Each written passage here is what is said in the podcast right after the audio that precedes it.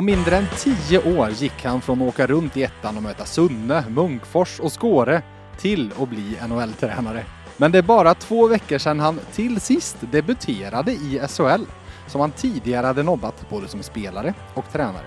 Vem är mannen som ska ta Färjestad till tvåsiffrigt guld och hur kom han dit han är? Det är med glädje jag tittar över bordet och för första gången säger välkommen till VF Hockey till Färjestads nya huvudtränare Thomas Mittell.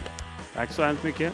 Du, eh, hur har de senaste veckorna varit? Det är precis två veckor sedan du presenterades idag, det är fredag. Ja, eh, det har ju varit hektiskt såklart. Eh, mycket att göra, mycket nya intryck och mycket Mm. nya personer att träffa. Men, nej, men totalt sett har det väl varit bra och inspirerande veckor tycker jag och vi har väl eh, fått eh, hyfsade resultat med oss och en helt okej poängskörd eh, tycker jag. Så att eh, vi, vi får jobba på dag ut och dag in och försöka bli lite bättre här eh, steg för steg. För att, för att sätta lite i perspektiv hur kort tid det har gått. Vi, vi pratade mässade om när vi skulle kunna träffas och spela in det här och onsdag diskuterade vi här, nej jag sitter fortfarande i spelarsamtal. Du håller fortfarande på att lära känna spelarna. Det, det är där vi är fortfarande. Ja, eh, det är ju så. Vi, vi har ju ändå försökt att skynda på de flesta processer tycker jag. Men, eh, men det är klart att det är hektiskt och normalt sett har du mycket mer tid och lite mer lugn och ro. Men, men det är väldigt inspirerande och kul och eh, spelarna har varit väldigt villiga att lyssna och ta till sig nya idéer och intryck. Så att eh, vi, vi är på rätt väg känner vi.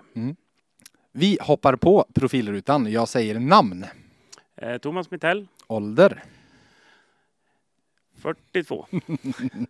eh, familj.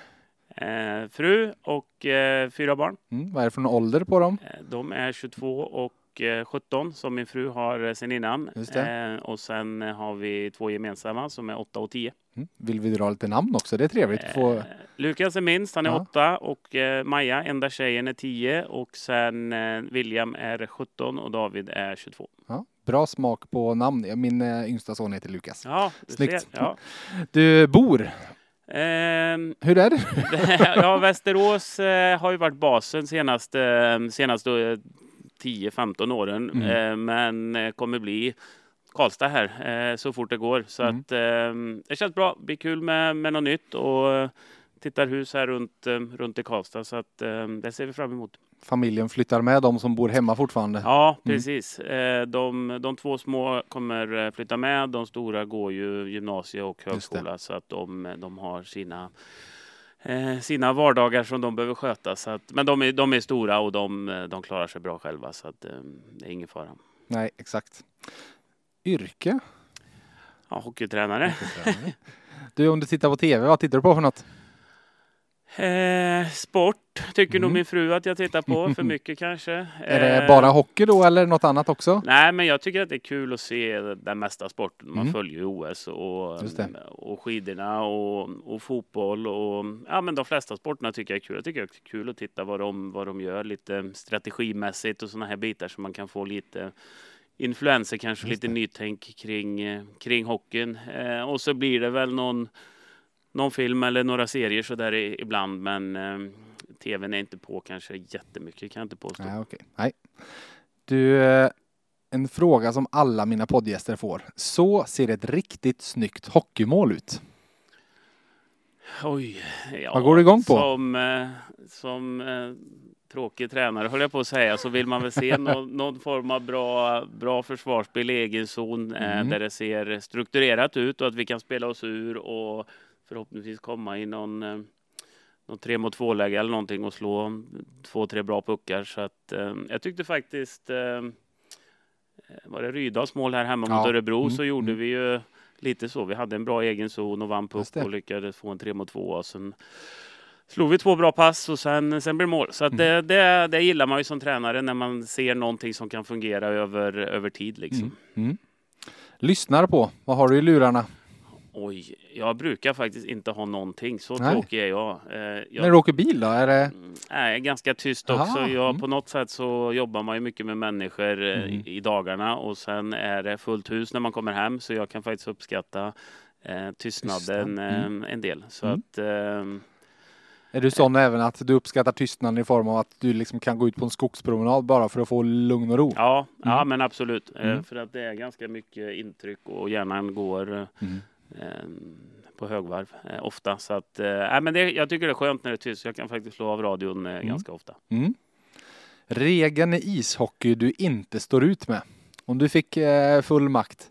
Tror för övrigt jag såg Peter Andersson före domarbasen satt och käkade lunch här. Så Ja, eh, ja, nej men jag, jag tycker väl att det, det är ganska regelmässigt är det väl ganska bra. Jag skulle önska att domarna fick kanske lite lättare jobb på något sätt. Jag kan tycka att de, de har många svåra beslut att ta på en match. Mm. Eh, På ett sätt skulle jag kunna tycka att de kanske kunde släppa lite mer för att få färre situationer att bedöma. mm. Det har ju gått lite till att de ska bedöma ja, säg 200-300 situationer kunde man få ner det så man släppte kanske lite mer och de bedömde 50 situationer så blir ju procentsatsen det. eh, att det blir fel blir ju mindre och färre, Mm. färre tillfällen. Så att de, de har ett svårt jobb och just det här med vad är en hakning, vad är en slashing, att det är väldigt eh, svårbedömt liksom och Mm. ganska mycket upp och ner i, i nivå också. Eh, men någon sån där regel vet jag faktiskt inte på rak arm eh, som jag inte gillar. Du, eh, jag måste ju ta upp ett eh, hjärteva- hjärtefråga för mig som jag har tagit upp med många poddgäster. Nu var det ett tag sedan, så ni poddlyssnare, äntligen får ni höra det igen.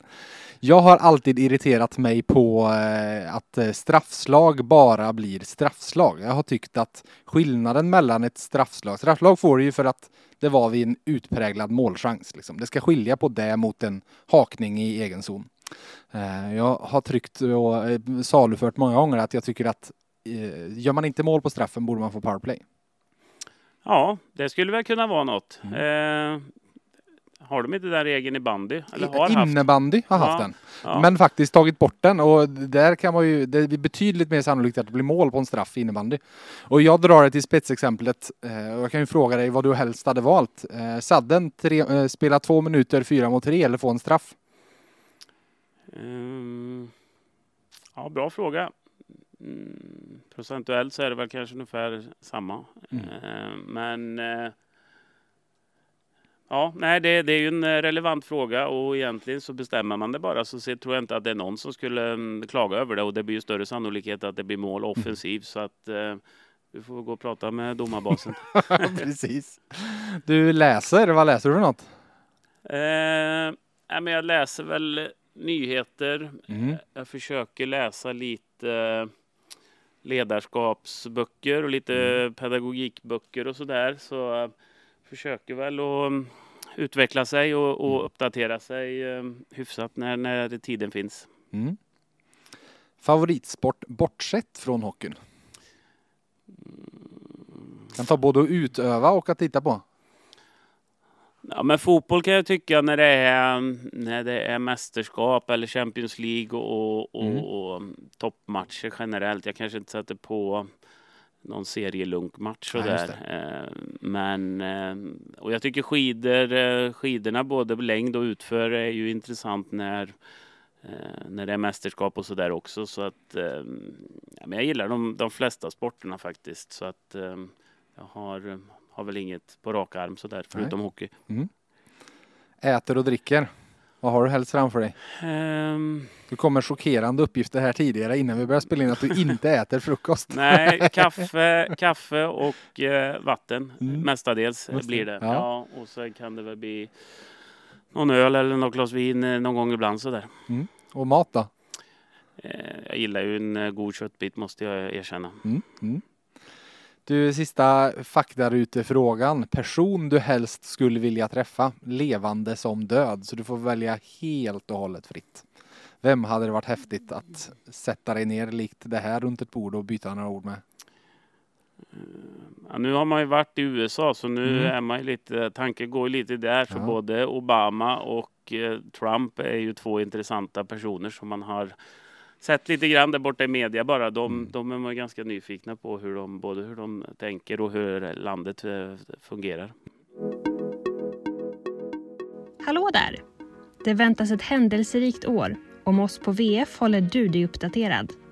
Läs de senaste nyheterna med VFs pluspaket i åtta veckor för endast 8 kronor. Med Plus får du tillgång till allt innehåll på sajten och i nyhetsappen. Läs mer på vf.se erbjudande.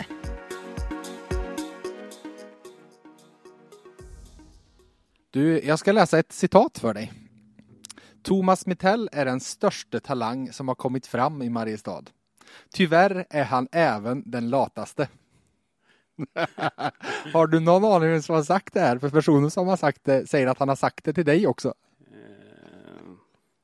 Eh, jag vet inte, jag kommer att tänka på Harald Lyckner av någon anledning. det är rätt. Är det rätt? Det är ja. rätt.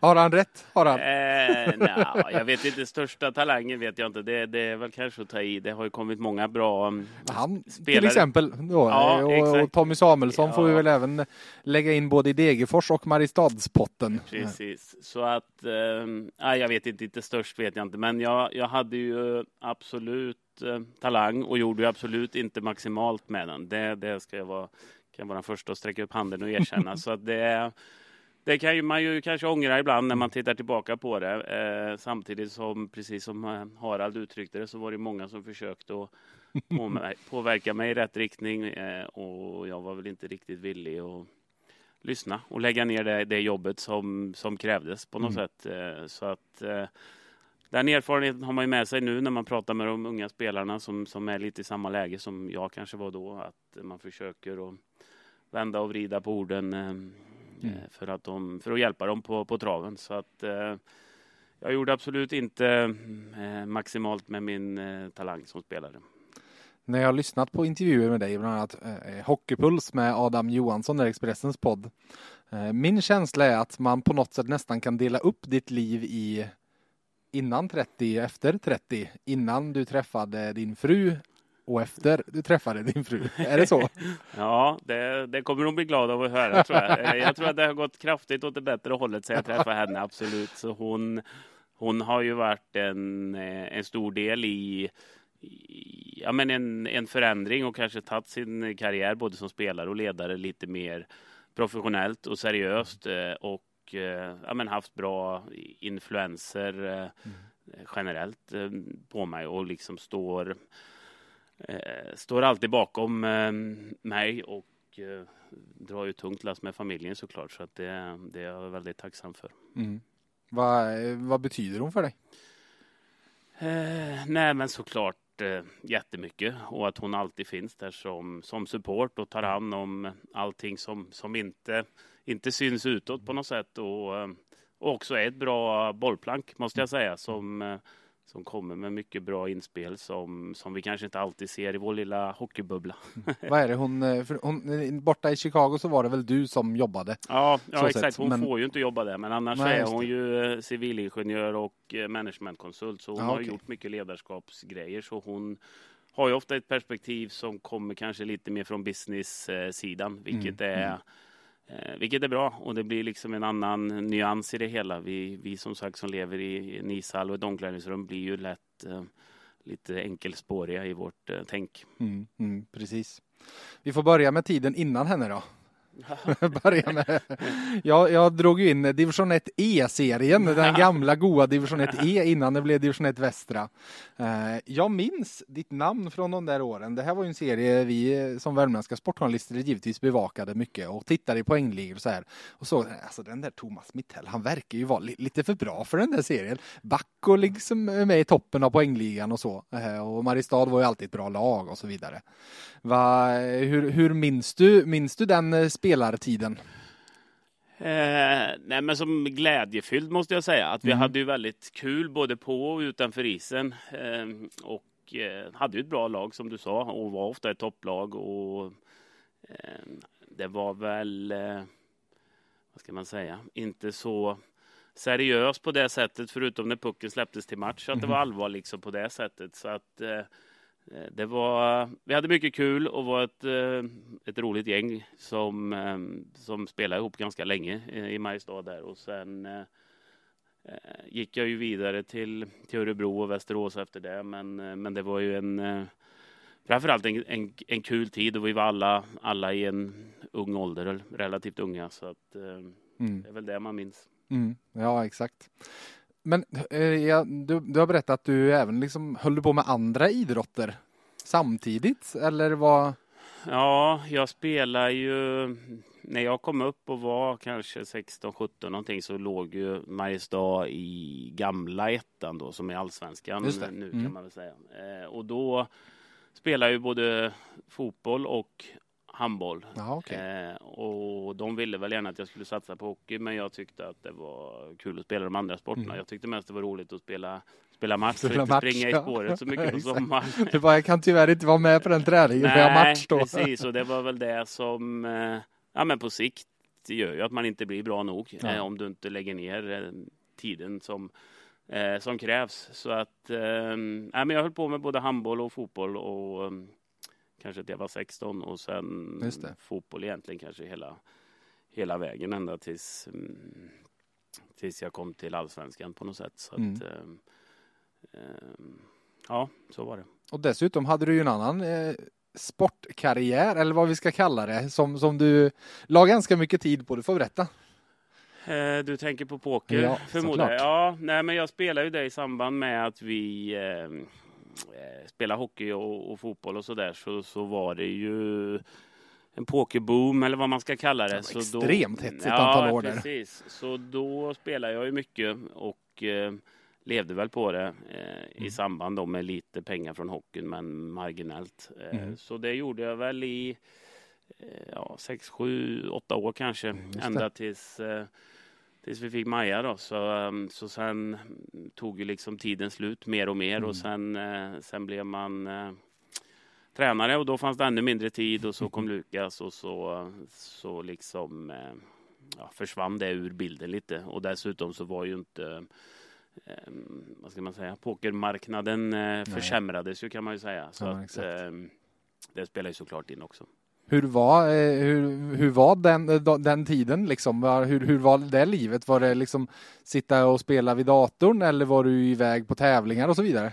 Eh, nej men det var både och. Mm. Eh, så det var både att vi åkte iväg till eh, ja, men Las Vegas eller Prag och, och mm, även i, i Stockholm och Göteborg och så på kasinorna. Och sen var det ju på, på nätet också. Eh, men det är ju en, en bransch över tid som det går liksom inte att, att ha något normalt liv nästan. För det är Nej. mycket sena nätter och, och du sover inte så bra och sen ska du upp igen. Och, så det är ju, det är ju ingen, ingen bransch om man har em, familj och vill Säger ha man ett lämnar inte på förskolan och åker iväg och spelar Nej, en men precis. Så det, det är svårt att ha ett normalt familjeliv Ja. liksom, och ett strukturerat liv. Och, och det var en kul tid i livet och man får ju se mycket och mycket upplevelser och så. Men på något sätt har det, har det sin tid och sen när man blir äldre så, så känns det som man har, mm, ja, men man har gjort den biten på något Mm. sätt. Och, och, och det är inte så i längden, så, i alla fall inte för mig, så var det, var det liksom inte inspirerande och roligt eh, Nej. på det sättet. Vad var det du gick igång på med det annars? Då? Eh, nej, men det, dels är det ju ett eh, tävlingsmoment, Mhm, eh, mhm. så man vill ju vinna liksom, eh, såklart. Eh, och sen, eh, ja men att det är lite eh, strategi och ehm, läsa lite människor och, ehm, och sen att man såklart kunde, kunde tjäna pengar på det. Mm. Eh, så det är väl de, de delarna liksom som, som man triggas av. Vad är det mesta du har spelat in? Eh, det är preskriberat. Men när, när, när spelade du senast nu? Är det ens, liksom, skulle du kunna sätta dig med kompisar bara och spela en kväll eller är det, Eh, känns ja, det verkligen? det är klart att jag kan sätta mig och spela med kompisar sådär någon gång. Det är ingen men- som vill spela med dig bara säg. nej, nej, men, men nej, nu har jag inte, jag vet inte, det var säkert eh, tio år sedan, sju, Ja, okej. sju, åtta år sedan jag spelade någonting på som var på allvar.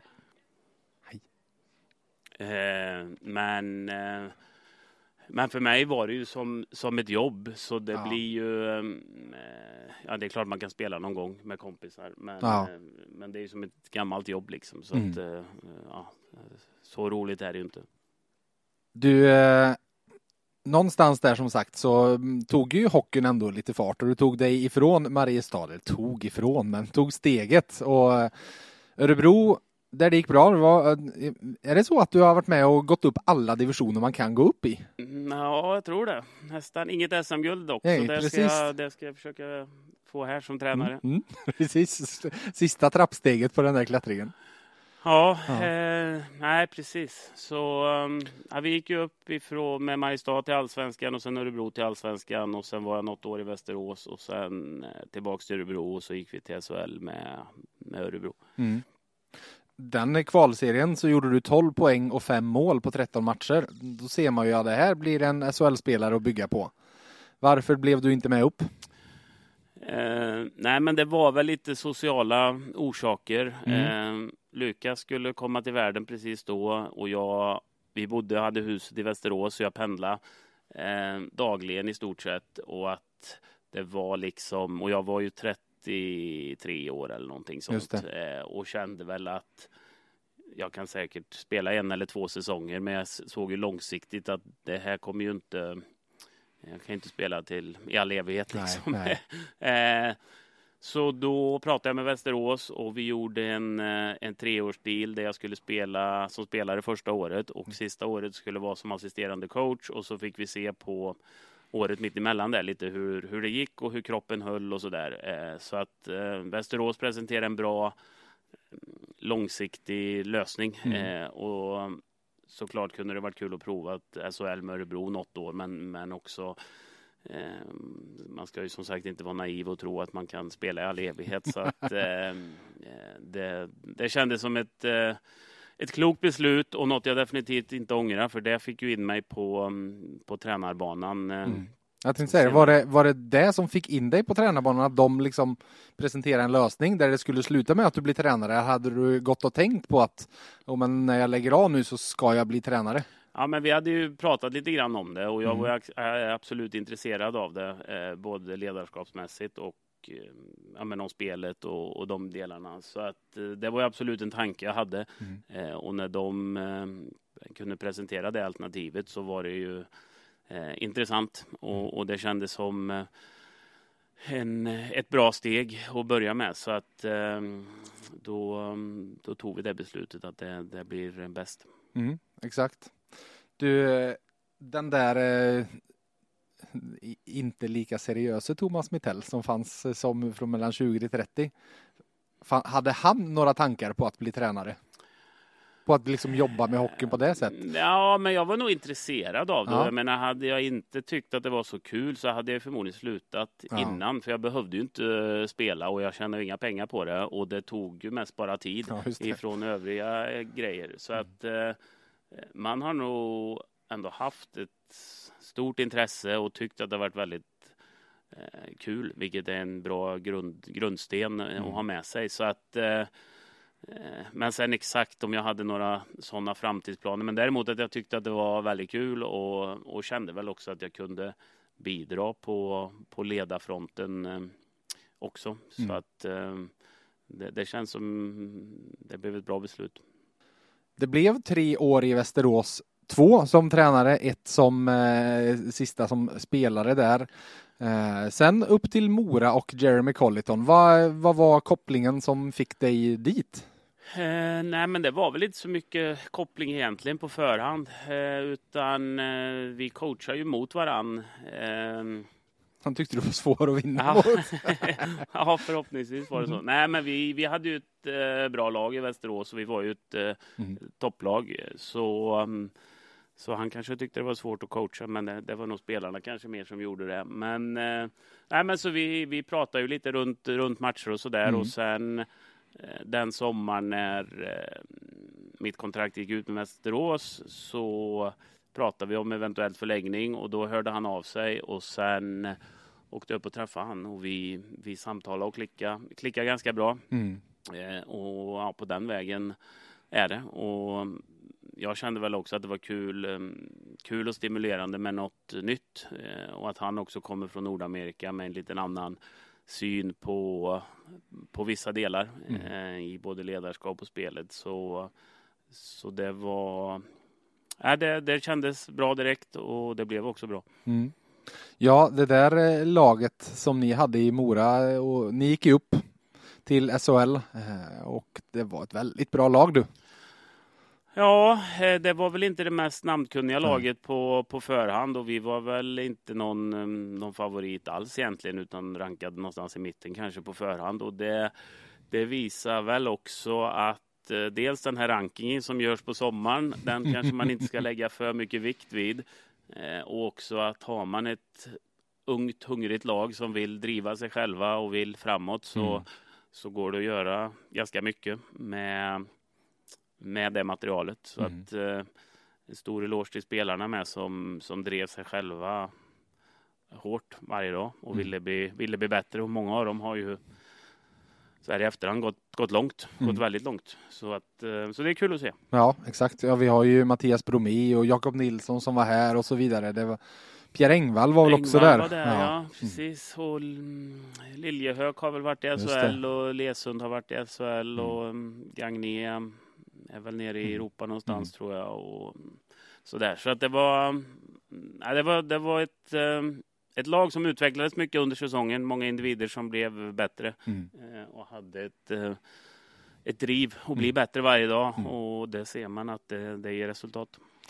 Colleton lämnade, hamnade i Nordamerika och Mora hade plötsligt ingen huvudtränare. Du fick ett erbjudande va?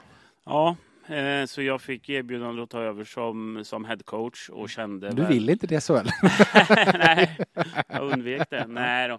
Men, eh, nej, men det var väl en, dels en, en eh, social situation mm. där vi funderade på vill vi flytta hela, hela boendet till, mm. till Mora och bygga någonting där. Och vi vägde in det och så vägde vi in det, det sportsliga med att det ändå är en, en liten ort. Det är svårt på sikt att, att hålla, hålla sig kvar och det är väldigt mm. svårt på sikt att bli ett topplag. Mm. Eh, så eh, jag trivdes extremt bra i Mora, väldigt väl omhändertagen. Så har bara, bara gott att säga om Mora. Men det kändes inte som tajmingen kanske inte var perfekt så sett heller.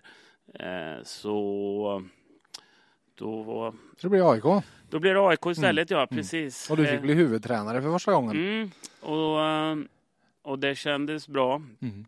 Och um, intressant uh, förening på många mm. sätt och bra potential över mm. tid. Så att vi um, första året var väl um, sätta lite nya, nya rutiner och sådär och sen andra året så så gjorde vi en bra säsong. Jag tror vi vann, vann serien va? och sen mm. eh, fick stryk mot Oskarshamn med 3-2 i matcher tror jag. Så att det, det svider, svider fortfarande mm. måste jag säga. Mm. Eh, men eh, ja, det, var, det var en kul tid och, och det kändes som vi eh, hade inte riktigt marginalerna med oss på slutet. Men, men annars var det en, en bra tid. Mm. Chicago, det, det, det, är ju, alltså, det är ytterst få svenska tränare som överhuvudtaget har fått stått i ett NHL-bås. Och eh, om de har fått gjort det så heter de ofta typ Ulf Samuelsson och har eh, 350 000 NHL-matcher på meritlistan. Ja.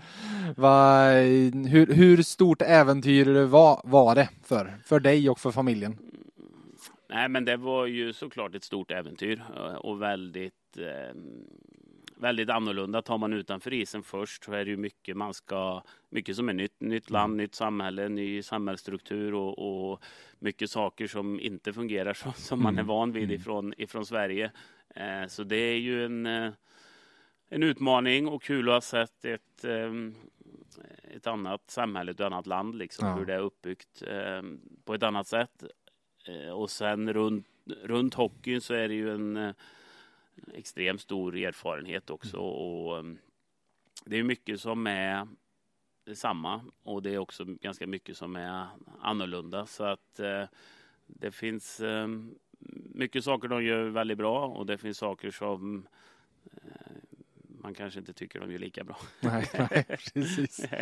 Du, jag kan eh, tycka att du, du, det är klart man tackar inte nej till ett NHL-jobb så jag förstår att det inte fanns någon sån men på något sätt lite otacksamt läge som ni kom in. Dels att eh, efterträda Joel Quenneville som är en av de mest framgångsrika coacherna genom tiderna. Dessutom i ett lag där Vi får väl säga att ganska många av dem som vann Stanley Cup hade, de, de hade passerat Zenit i karriären i alla fall. Eh, men förväntningarna fortfarande var att det här är ett lag som ska utmana om Stanley Cup. Ja, du sammanfattade väl... Ja, eh, säger det. Nej, du sammanfattade väldigt bra. Det var väl exakt så det var. Eh, och tittar man tillbaka så var det ju jag ska inte säga att det är en omöjlig uppgift, men en väldigt svår uppgift av de anledningarna du, du räknar upp. Eh, och eh, att, eh, ja, precis det du sa, efterträda en, en, mm. tränare som har vunnit tre Stanley Cup och tagit dem väldigt långt och sen börjar, börjar laget dala neråt, mm. Eh, men förväntningarna är fortfarande höga.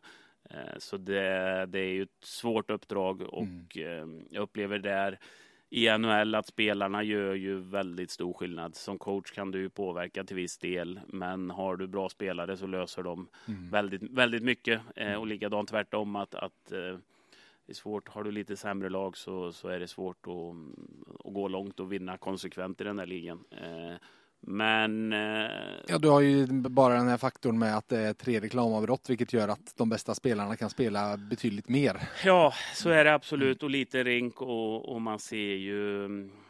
Ja, toppbackarna spelar ju mellan 25 och 30 minuter mm. utan problem i 82 mm. omgångar. Mm. Och, och topp, den forwardsen spelar ju 20, 21, 22 minuter mm. när det behövs också. Så att eh, det är stor skillnad. Eh, men eh, det är som du sa också, att det är ju inget inget som man kanske tackar nej till eh, ändå. Så att jag är väldigt glad att, eh, att vi hoppar på det och att man, mm. Eh, man fick den erfarenheten och, och lärde sig mycket och, och känner sig ändå relativt bekväm med att vara där borta sista tiden. Mm. Du, är folk folk? Är Patrick Kane med 10 miljoner dollar i lön samma som Fredrik Weigel? Med inte 10 miljoner dollar. Ja, det jag skulle säga att de är väldigt lika de där två så? faktiskt, de två du drog upp. Ja, det Nej, då. Men eh, det är klart att eh, eh, det finns en, en viss skillnad såklart. Eh, men kanske mer för att de är lite mer erfarna ja. eh, spelarna och kanske har lite mer skinn på näsan så sätt. Men, men annars så är det ändå hierarkin i laget är ju är ju snarlik. Så de här spelarna som, som är värvade och har betalt för att vara offensiva spetsar, de tycker ju att de behöver ha sin istid och de behöver ha sin powerplay-tid och vi behöver, ehm, backarna behöver passa pucken bättre mm. och eh, de behöver få bättre lägen. Eh, så det, det är ju egentligen ingen skillnad om det är division 3 eller om det är NHL liksom, faktiskt. Och sen eh, Sen har de ju mycket press på sina axlar liksom så att de, eh, de får ju stå i skottgluggen om de inte levererar. Ehm, men, men det är faktiskt ganska lika måste jag säga och hierarkin är också samma. att du, eh, du, du har samma diskussioner i laget med, med, med samma spelartyper. Om det är en, en defensiv back så är det fortfarande försvara som gäller i första hand och, och att de ska vara nöjda om de, om, om de spelar plus mm. bara i matchen mm. så, är, så är det bra liksom. Och det är ungefär samma som vi har i alla divisioner i Sverige också. Mm. Så att eh, är väldigt likt så um, hierarkiskt i laget så blir det ju samma och det tror jag egentligen även om det är som sagt division 3 i Sverige eller om det är, är NHL. Mm. Du, vilken roll hade du exakt? Eh, nej, jag hade ju hand om backarna mm. och eh, powerplay. Så mm, jag brukar... Ehm, nej, jag hade ju möte med, med de powerplay med, ja, med Kane och Taves och DeBrinket och alla mm. de var ju med och de, de är ju som eh, precis som jag har möte här eller om mm. jag hade i, ehm, i allsvenskan att de de vill ju veta vissa detaljer och de vill att vi ska ha någon form av idé hur vi ska, hur vi ska göra mål och hur vi ska göra hål på boxen. Eh, men de är ju väldigt liksom tillmötesgående måste jag säga och har du bra idéer som funkar så, så har de ju inga, ingen stolthet Nej, i att de ska bestämma utan mm. de vill ju att det ska funka för, för laget och mm. för dem. Eh, och då spelar det ingen roll om jag kommer som nobody från Sverige eller mm. om det är någon väldigt etablerad coach utan eh, det är mer att det, det man säger behöver ju fungera och, och accepteras av dem. Eh, och det är lite mitt jobb som coach att motivera dem till varför vi ska göra som vi gör. Mm. du skrev väl två år när du kom dit och blev där i drygt två år så det blev en förlängning Ja, skriven. precis. Så vi, första året där var ju lite upp och ner och sen andra året jag var där så bestämde de att de skulle göra rebuild i organisationen. Just så då det. hade vi ett väldigt, väldigt ungt lag och det var väl den tiden vi egentligen spelade bäst. Mm. Eh, och hade väl hängt på slutspel ända tills det var kanske 10-15 omgångar kvar. Eh, även fast vi var tippade och var sist, sist egentligen. Men, ehm, och det visar ju återigen att har du ett, ehm, ett hungrigt lag som vill framåt och vill visa upp sig varje kväll så då ehm, kan du, kan du göra mycket, mycket saker. Mm. Ehm, Sen blev det lite andra krav inför den säsongen som du ja, håller på med. precis. Och sen, Fleury och Seth Jones och allting.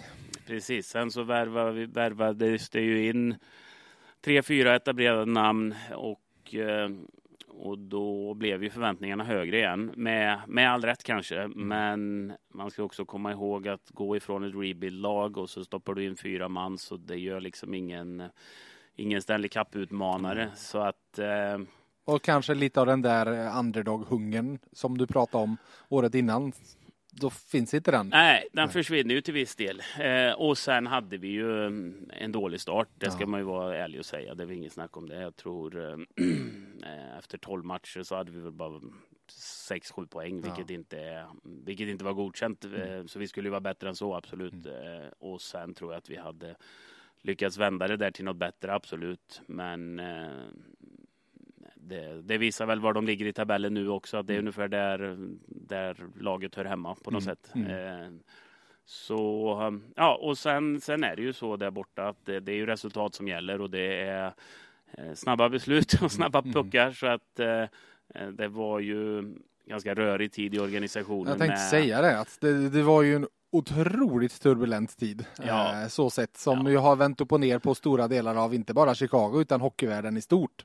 Eh, för, för er som inte vet så Kyle Beach, en före detta Chicago-spelare och allt det här hände ju långt innan du var där men gick ut och berättade om sexuella trakasserier eh, och det var ju inte från någon som var kvar men utredningar som, eh, som gjordes visade ju att ganska mycket folk som var kvar hade vetat om det. Och bland annat då Joel Quenville som vi pratade om som inte ens var kvar där utan han var i Florida. Han fick kicken därifrån av den här anledningen och din chef Stan Mm. Bauman fick kicken eh, som GM i Chicago och några till. Hur, hur var det att vara mitt allt i det här när man liksom du var ju liksom inte med på den tiden men Nej. du hamnade mitt i det ändå. Ja, nej men precis. Så det dök ju upp där under eh, sommaren tror jag. Mm. Eh, och, nej, men det, var ju, det var ju mycket spekulationer och tog ju såklart mycket kraft eh, framför allt eh, och energi och tid från Mm. de som, eh, som var inblandade i det 2010. Eh, Så att det, det blev ju, det tog ju fokus från mycket av det vi kanske borde fokuserat på. Mm. Eh, Så att det, det spelar väl säkert in till viss del samtidigt som när vi går in i, i tränarrummet eller till spelarna så, så mm, pratar vi ju inte om det på det sättet. Men det är klart att det, det påverkar ju allting runt omkring och hela organisationen och det blir mycket fokus på, mm, på den händelsen med, med all rätt, vilket är fullt förståeligt. Så Eh, sen fick de ju gå, eh, Bowman och, och några till. Mm. Och sen hade vi dåliga resultat på isen så då eh, gjorde de väl rent, eh, rent hus mer Mm. eller mindre i organisationen och, och, och ville få till en rejäl eh, nystart. Mm. Eh, vilket såklart var viktigt för organisationen eh, för att på något sätt försöka eh, få en eh, nystart och, och starta om på, på rätt sätt. Mm. Av att ha varit med i det där, vad, drar du några lärdomar sett till hockeykultur och så vidare? Eh, nja, jag vet inte om det är några nya lärdomar, men det är väl mer att det är oacceptabelt när, Mm. när sånt händer och att det är viktigt att man, eh, att man tar tag i det med, med en gång och att, eh, att dels att det finns tydliga regler, men om, om saker dyker upp att det behöver, behöver upp till ytan och, Mm. och hanteras. Så att jag vet inte om det var egentligen nå- några nya lärdomar, men, men det är viktigt att, att det sköts, absolut. Därmed har det blivit dags för mig att dela ut två av de tre sista finalbiljetterna. För så här är det, eh, i podden där jag hade Martin Tillander som gäst så var ni många som visste givetvis, det var en lätt fråga, att eh, Oskar Lavner är den andra Kilskillen i Färjestads lag förutom Per Åslund. Eh, närmast tidpunkt för första mål var Jonas Lärnebrant, så stort grattis till dig Jonas. Och i tävlingen vi hade i förra podden med Peter Jakobsson som gäst så att han avslutade karriären nere i Salzburg, det kunde ni googla lugnt fram till. Eh, dock så var Mikael Zetterström bara sex sekunder från första målskytt, eh, Adam Ginnings mål där mot Linköping. Så stort grattis även till dig Mikael. Eh, ni två, alltså Mikael och Jonas, eh, skicka ett mejl till hockey.vf.se så ska ni få info om hur ni får era priser. Och det ni vinner i första hand är som sagt ett presentkort värt 500 kronor på ICA Maxi Bergvik hos Christer samt en bag från VF. Dessutom så säkrar ni då en biljett till den stora finalen i lyssnartävlingen som det börjar dra ihop sig till. För nu finns det faktiskt bara en biljett kvar till den. Och hur ni ska lägga beslag på den, det får ni lyssna riktigt noga på Christer nu.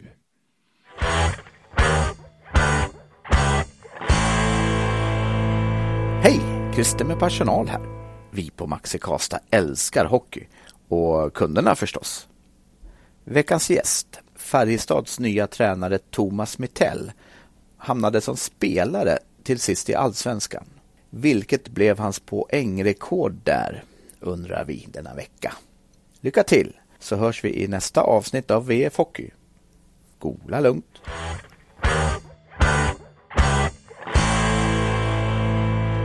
Skicka svar på frågan samt när ni tror att första målet görs i mötet mellan Färjestad och Timrå lördagen den 19 mars.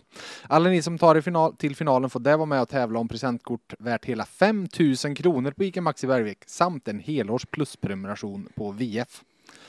5000 spänn skulle ni just nu kunna köpa 143 stora burkar Nutella i Christers onlinebutik på ICA Maxi Bergvik. Så med det sagt, vilken är din guilty pleasure, Thomas Mittell? eh, oj. Har du någon? Mm, nej, inte sådär på rak arm. Kanske lite choklad då, ah, okay. skulle jag kunna erkänna att, eh, mm. att det kan slinka ner ibland.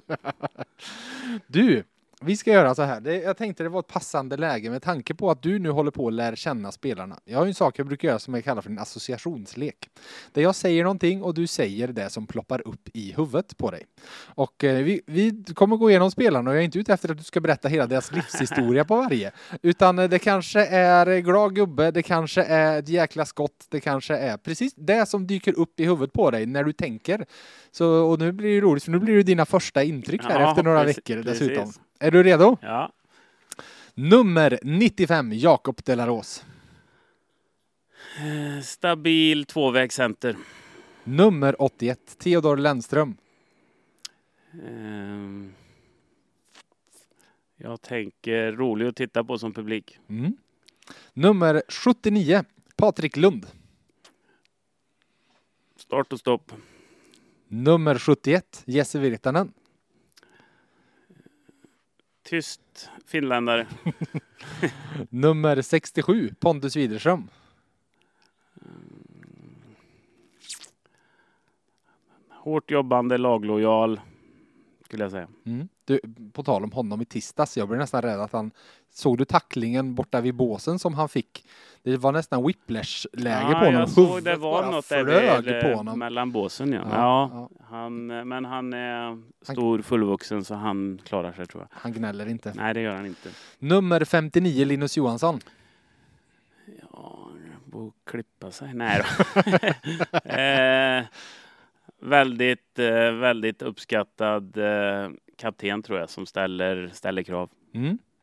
Nummer 38, Dominik Furch.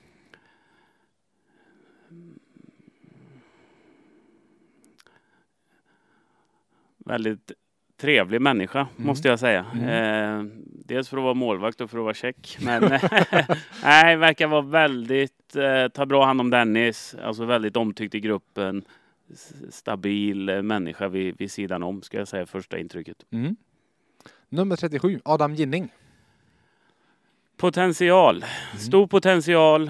Eh, jag tycker vi ska hjälpa han och inte vara så eh, flängig i sin spelstil. Jag tycker att det finns väldigt bra potential, bra kille, väldigt glad. Eh, kanske kan... Eh, ja, vi ska hjälpa honom att ta ett kliv eller två till i sin SHL-karriär. Mm.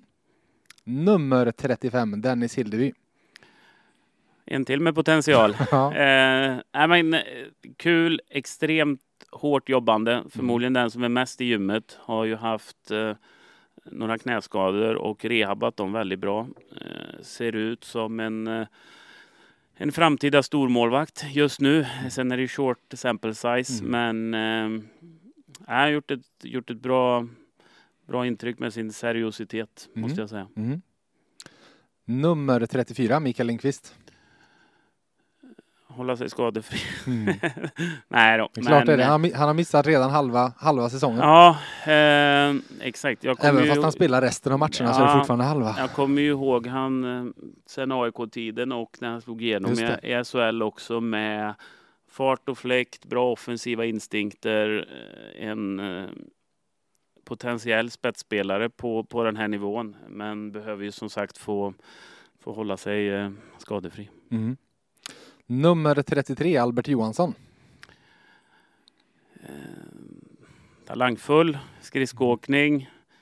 Eh, Ska hjälpa han och bli lite mer seniorfärdig i spelet men ohygglig potential och förmodligen en av de bästa i hela SHL på att bära, bära upp puck från egen zon. Mm. Nummer 31, Carl Jakobsson. Hårt jobb ser jag framför mig och att Mm. han har en förmåga och eh, lyckas få med sig pucken i många närkamper fast han inte är så stor och inte så Han är ganska lång men Ja, slank. Ja, precis. Mm. Eh, och har väl haft en säsong som har varit upp och ner. Mm. Eh, tror jag behöver ha lite eh, stabilitet och lite träning och liksom få jobba på i, i lugn och ro. Det är fortfarande en ung spelare som, eh, som vi behöver ha lite tålamod med tror jag. Nummer 29, Lukas Forsell. Bra skott. Mm. Eh, också en tendens att få med sig en del puckar fast att han inte är speciellt stor. Eh, behöver väl, eh, precis som några av de andra yngre spelarna, växa in lite i, i eh, seniorkostymen. Men eh, bra arbets, eh, arbetsmoral och vill bli bättre. Nummer 28, Mattias Göransson. Födelsedagsbarn igår. Ja, det visste jag faktiskt inte. Jag får gratulera Ja. efterhand. Ehm, potential att bli en stabil SHL-back över lång tid tycker jag. Mm. Vad jag förstått så har han tagit stora kliv i år innan jag kom in och siffrorna visar att han har tagit ett, ett kliv till nu sen jag, sen jag varit här i alla fall. Eh, så att eh, en stabil defensiv back i första hand tänker jag som man skulle på sikt kunna bygga någonting runt. Mm. Mm. 26, Joel Nyström.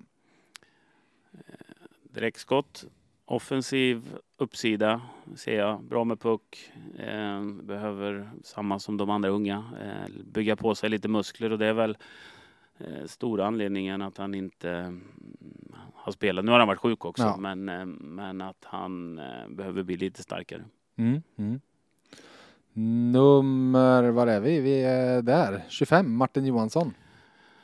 Eh, Till sist fått spela igen. Behöver hålla sig borta från sjuk, eh, sjukstugan höll jag på att säga. Mm. Eh, nej, jag har inte sett han så jättemycket men, eh, men som jag vet han sen innan så är det ju fart, bra skott, en bra kontringsspelare eh, och som sagt han behöver eh, hålla sig frisk. Mm. Mm. Precis.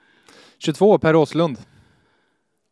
Ytterst underskattad spelare Mm. måste jag säga. Eh, en av de ytterforwards eh, som tar absolut bäst beslut över hela isen måste Mm. jag säga. Och eh, lojal, täcker skott eh, och har gjort, eh, inte hur många mål han har gjort sedan jag kom, men många i alla fall. Mm. Spelar på rätt sätt tycker jag. En spelare som, som man kan vinna med. Mm. Nummer 15, Gustav Rydahl. Genombrottsspelare. Stor, stark, rivig, otäck att möta skulle jag gissa på. Eh, lite, o, lite sådär lagom ovårdad. Mm. Eh, så när han håller sig precis på rätt sida gränsen så, så är han ju extremt bra. Eh, så han har haft lite skadeproblematik så vi hoppas att han eh, kan växa upp här och kan bli en viktig pjäs i, i slutet på säsongen här. Mm. 14, Viktor Ejdsell. Stor. Eh, bra skott. När han rör på fötterna så är han en, en, en bra SHL-spelare. Eh, får påminna han lite ibland och det ska vi fortsätta göra. Så han, jag tycker att det har varit ganska bra sen jag, sen jag kom in. Eh, har väl haft en säsong som har varit lite motig. Eh, jag har pratat med honom lite så det har väl varit lite lite nytt för han också att det är lite motigt så att eh, det, det, kan ta lite tid att jobba igenom det där eh, och kommer ut starkare på andra sidan. Så, men, men han har eh, tagit ett steg i rätt riktning tycker jag sen, sen jag kom hit. Mm. En som brukar röra väldigt mycket på fötterna är nummer 13, Daniel Wiksten. Ja, och det är väl precis det han ska göra. Ja. När han gör det så är han ju bra och Mm. då kommer han i sina lägen och då, då gör han mål också och det är han ju väldigt bra på. Eh, Så det är väl det för min del, precis som du sa, att när han rör på fötterna och åker både med och utan puck så är han bra. När han inte gör det, då är han mindre bra. Så eh, lite samma som Ejdsell, att eh, jag tycker när de har spelat ihop och de har rört på fötterna så är det en väldigt bra line. Eh, när de står still och tittar på varandra så är de inte lika bra. Så att, eh, det är väl det, är det vi, vi jobbar med, för de har mycket av det andra och Ejdsell är stark på puck och, och Viksten är bra i fart och Ejdsell har sitt skott och sådär. Så att eh, eh, det finns, det finns något att bygga på och det ska behöver göras eh, konsekvent. Mm. Mm. Nu kommer vi den jag skulle säga har varit mest konsekvent kanske i det här laget den här säsongen. Nummer 11, Joakim Nygård. Ja, det kan jag hålla med om. Eh, nu har inte jag sett allt i detalj, Nej. men, men eh, han gör ju ytterst sällan en dålig match. Ibland blir det produktion, ibland blir det inte produktion, men eh, alltid nyttig för laget, spelar seniormässigt, extrem speed, är väl bland de snabbaste i hela världen, höll jag på att säga. Så Mm. Han att, slog eh, McDavid i snabb- Ja, snabbhet. precis. Eh, men eh, väldigt bra och väldigt användbar för Mm. oss. Eh, så eh, Trevligt att han har två år kvar, längre på kontraktet än du. Ja, ja exakt. Eh, nej, men han har gjort ett väldigt bra intryck och ja, men väldigt seriöst och bra tränad och liksom ett eh, proffs ut i fingerspetsarna. Mm. 10, Marcus Lillis Nilsson. Har varit väldigt bra sen jag kom, Mm. måste jag säga. Eh, trampar till utan puck, skapar lite lösa puckar till sig själv. Eh, har, har väl varit den som har stuckit ut tycker jag för oss offensivt och gjort det precis som han ska. Slå dit några bra passningar och, och vara delaktig. Eh, och sen eh, kan man ju alltid mm, leta förbättringspotential i vissa grejer. Men jag tycker så länge han, han åker och är så pass delaktig som han har varit så, så, så är, jag, är jag nöjd och jag tycker att det är ett steg framåt mot vad jag sett innan. Mm. Mm. Nummer åtta, Anton Berglund. Som ju även han har A-lagskontrakt nu. Mm, mm. Och han har varit med och tränat och jag har sett han har juniormatch här. Eh, väldigt lojal, hårt jobbande, eh, bra på att få, på stopp i spelet och röra på fötterna och få stopp i spelet på, med sin eh, eh, storlek så, så behöver han ju göra det. Eh, så att eh, en back som, som står på tillväxt och som vi ska se till att att göra bättre och kommer säkert att och spela, spela här i framtiden också. Mm. Mm. Nummer 6, Mikael Wikstrand. Eh, stabil. Tycker han har tagit ett kliv uppåt nu när vi har när backarna har fått lite mer hjälp ifrån forwards. Defensivt så tycker jag att det gynnar både han och Jesse som har spelat som ett backpar. Eh, jag tycker att de, de är extremt bra de två att läsa spelet ihop. Eh, så har varit bra i egen zon, stabil tycker jag runt egen bur och ute ut i hörnen och sådär. Så att eh, en av de som kanske har gynnats mest av att eh, forwards har börjat att försvara ordentligt. Mm. Mm. Nummer 4, Oskar Lavner. Eh, bra, jag, jag ska säga att innan jag började titta på Färjestad så ska jag säga att jag inte kände till honom speciellt mycket. Nej. Men Han har ju knappt spelat senaste två åren. Nej, Så. men jag tycker att han gör mycket av det som vi behöver ha av, eh, av vissa ytterforwards. Hårt jobb, mycket press på pucken, eh, lojal mot laget, gör mycket rätt saker. Eh, så över tid tror jag att han kommer kunna lägga till lite, lite offensiv i det där också på SHL-nivå och då, då kommer det vara en bra mm, tvåvägs eh, ytterforward i SHL. Det, det är jag ganska övertygad om. Mm. Och sen en tyvärr som inte är uttagningsbar men som finns i truppen. Eh, nummer 3, Jens Westin. Ja, har jag hört extremt mycket gott om han. Eh, och jag har ju träffat han såklart. Eh, Mm. Men jag får ju inte se han spela tyvärr. jag har ju sett han förut och, Och det är väl en, en backtyp som som jag tror alla lag behöver. Mm. Bra defensivt, så kan sätta stopp i spelet, lojal mot laget, sätter defensiven i, i första hand. Så att det är synd att han inte kan spela och han mår ändå relativt bra utanför isen just nu, vilket mm. är steg ett, att mm. han, att han kan ha en, eh, en bra vardag. Så att det är klart vi saknar honom på isen och eh, det är en spelartyp som sagt som vi eh, alla lag behöver tror jag. Mm, mm, precis.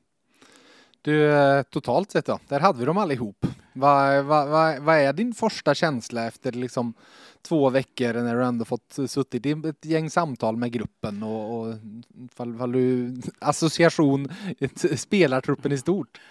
Eh, nej, men att de, de har varit väldigt villiga att lyssna och göra vissa justeringar i spelet, vilket jag tycker vi har fått hyfsad effekt på. Jag tycker vi ser stabilare ut som, som lag. Vi mm. sitter, sitter ihop mer som en enhet. Vi har jobbat mestadels med spelet eh, utan puck eh, mm. och jag tycker att det är märkbart bättre. Mm. Eh, på något sätt blir nästa steg här nu eh, att försöka lägga till eh, spelet med puck i, i det i det tempot eh, också. Och, och, det är ju inte alltid så enkelt som att bara trycka på en knapp. Så att eh, hittills har ju prioriteringen varit utan puck och det mm. tycker jag vi har tagit steg i. Så nu ska vi väl lägga till spelet med puck här under, under resans gång så mycket det går. Det är ju väldigt tajt med matcher så mm. att eh, det, det är lite svårt. Men på något sätt gör vi jobbet utan puck och har en stabil defensiv så Eh, så ger vi oss själva chansen att vinna. Och vi har ju eh, lite offensiva spelare som kan kliva fram så, så kan vi få ner antalet insläppta mål till att börja med så, så är det en bra, en bra start för att ge själva chansen att komma någonstans den här säsongen. Mm. Det var där du, det här addera spelet med puck när vi pratade förut här om, om eh, innan poddintervju eh, när vi pratade om gårdagen om Luleå och så. Du var nöjd med mycket men saknade saknade den lilla pushen i sista perioden att kunna göra lite mer i den sista slutforceringsattacken. Ja, och dels är det ju såklart spelet nerifrån, men det är också att komma med eller utan puck med fart över blå. Så oavsett om vi kan bära in pucken eller om motståndarna gör ett bra jobb så vi måste ha en forecheck så behöver vi ju kunna göra det med någon form av flowy så mm. inte forwards behöver slå stopp i mittzon varje gång. Eh, så att det är lite, åk, lite åkval och lite vad eh, accountable, vad heter det, lite förutsägbar. Mm. Att vi vet att pucken kommer komma till vissa ställen och att forwards då kan eh, behålla sin fart på ett annat sätt. Jag tyckte att Luleå gjorde ett bra jobb, vilket de flesta topplag gör och mm. vi kommer också göra. Mm. Att eh, det, det, är svårt när de bestämmer sig för att nu ska vi försvara, så då, då är det ganska svårt. Mm. Så att då behöver man liksom få ner pucken, vinna några dueller, eh, få med sig någon tvåa utvisning kanske och, och vinna lite offensiva tek som man, man kan skapa på också, vilket vi har gjort ett par, tre, fyra, fem mål sen jag kom hit bara. Så, att, eh, så det är väl lite det där som jag, jag tyckte vi, vi körde fast lite och, och fick liksom inte riktigt det, det trycket man skulle önska. Så att eh, där får vi se till att göra bättre. Mm. Du, det är fem matcher kvar för er. Det är Leksand här näst imorgon och det är lätt att titta på tabellen och titta att vinner ni imorgon då ser det ganska bra ut för att kunna nå topp 6. Så sett, då går ni förbi Örebro och ni får häng på Växjö helt plötsligt på femteplatsen. Förlorar ni imorgon så börjar det se lite jobbigt ut istället att nå topp 6. Eh, då ska ni ta in tre poäng på Leksand och fem på Växjö på fyra matcher. Ja, du kan läsa tabellen nu, precis som, som vi andra. Nej, då. Men, nej, men det är klart att det är en, en superviktig match eh, samtidigt som eh, nu är vi i det läget vi är ja. och alla matcher kommer bli viktiga för oss. Eh, eh dels förmodligen för placeringar. Oavsett om det blir eh, fem eller sex eller sju eller åtta eller nio så är det viktigt att komma så högt upp vi bara kan och vi behöver ta alla matcher och se till att förbereda oss inför eh, det som komma skall oavsett. Eh, så att eh, superviktig match. Eh, vinner vi så är det jättebra. Om vi förlorar så kommer vi vara superbesvikna för vi vill vinna alla matcher. Mm. men säsongen är inte slut för det. Så Nej. att det blir väldigt viktiga matcher och perioder och byten resten av det som är kvar. Mm. Så att det är det läget vi är i och eh, det är bara att gilla läget och se till att ta tillvara på varje varje minut man får ute på isen som, som spelare och vi coacher tar alla minuter vi får eh, och hjälpa spelarna så, så bra vi kan för att bli, bli bättre. Av den anledningen så ska jag inte hålla dig längre. Men vi måste tävla innan du jag släpper det helt och hållet. Ja, det blir spännande. Så jag skickar över papper och penna här till dig. Eh, Och eh, du ska få ledtrådar på 10, 8, 6, 4 och 2 poäng om du så vill. Jag kommer läsa alla ledtrådar. Du får gärna tänka högt, men har du ett svar så vill jag att du skriver det istället för att säga så att alla lyssnare även får alla ledtrådar. Vi är på väg till en eh, hockeypersonlighet. Så Okej. eh, en människa är rätt svar som har med hockey att göra. Är du beredd Thomas? Yes. Då kör vi. På 10 poäng. Här ska du få en liten brokig ledtråd. Spelade i Finland, Schweiz och Sverige men skaffade sig sin utbildning på fint universitet innan dess. Finland, Schweiz och Sverige. Skaffa utbildning på fint universitet innan dess. Nej, vet ej. Då fortsätter vi. Var det lite svårt på tian? Då får du här en till. En tidigare joker som tillhört samma klubb sju av de åtta senaste åren.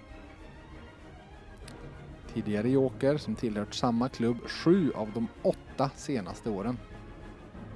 Har du någonting?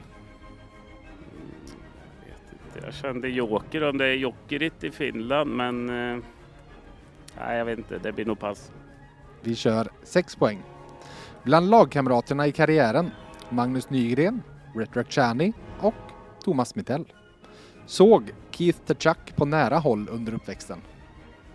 Bland lagkamraterna i karriären Magnus Nygren, Ret- Ret Rakhshani och Thomas Mittell. Såg Keith Tkachuk på nära håll under uppväxten. Kan det vara han jag spelar med i Örebro kanske? Eh, Tillhört samma klubb sju av de åtta senaste åren. Finland, Schweiz, Sverige skaffade sig utbildning på fint Mm. universitet innan dess. det var svårt det här du. Mm, det ska inte vara lätt. Eh, Nej, jag får nog, jag får nog ta en ledtråd Vi till. tar fyra poäng. Ja. Gjorde 35 mål under sin debutsäsong i Sverige, då i Allsvenskan. Har i SHL på 364 matcher gjort 150 mål. Ja, det var någon annan du tänkte på. ja, det var det. Och jag har spelat med den här personen säger Jag du? spelar med den här personen. Nu blev jag lite rädd, men det tror jag väl att du har. Alternativt så har du tränat honom. Så nu fick du en extra ledtråd. Vill du ha två poäng Ja, eller? jag får det- nog ta två poäng alltså. Ja. Jag måste bara dubbelkolla det här nu för det kändes ju jobbigt om jag har vilselett dig med att du har spelat ihop med honom. Eh, Eller om det är eh, så att... Jaha. Vi kör två poäng. Ja, gör det. 33-åringen jag söker ser vissa som lite kort. 175 centimeter är ju faktiskt inte så långt. Avgjorde nyligen mot Färjestad med ett synnerligen vackert mål med klubban mellan benen. Och nu får du säga om det, ni spelar ihop eller om du var tränare. Eh, Jag har spelat med. Ja, det var så. Ja, Brock. Lit- Brock Little. Yes. Ja, jag hade det på eh, fyra kanske. Ja, kände jag nog. Men jag, ja, det var, det var svårt. Det måste jag svårt. säga. Det är som På spåret på riktigt vet du. Ja. När man sitter i buren så blir det svårare än framför tvn. Eh, ja, jag spelade med honom första gången han kom till Sverige.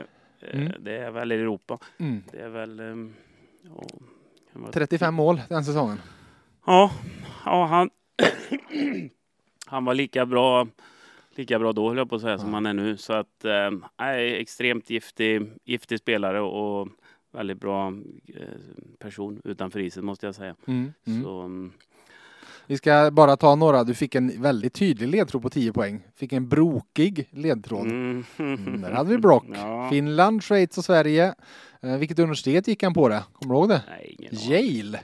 Har han utbildning ifrån. Ja. Så han spelade på college där innan han kom. ja, det vet jag att han gjorde. Eh, och tidigare Joker, det var du helt Mm. rätt. För det var Jokerit han Ja. var över och lirade i en säsong. Eh, men sju av åtta senaste åren alla i samma klubb. Nu- bland lagkamraterna i karriären då, Magnus Nygren, det var i Davos. Mm. Uh, Retro Chani spelade han ihop med i Linköping. Det var lite lurigt att ta Red Rock Shani för han har ju varit i princip Mm, Ja, han har varit i varenda lag i Sverige, på säga. Och sen Thomas Mittell. Och sen som sagt, han är uppvuxen i Arizona. Så han har ju sett Keith the Chuck på nära Mm. håll i, under uppväxten. Mm.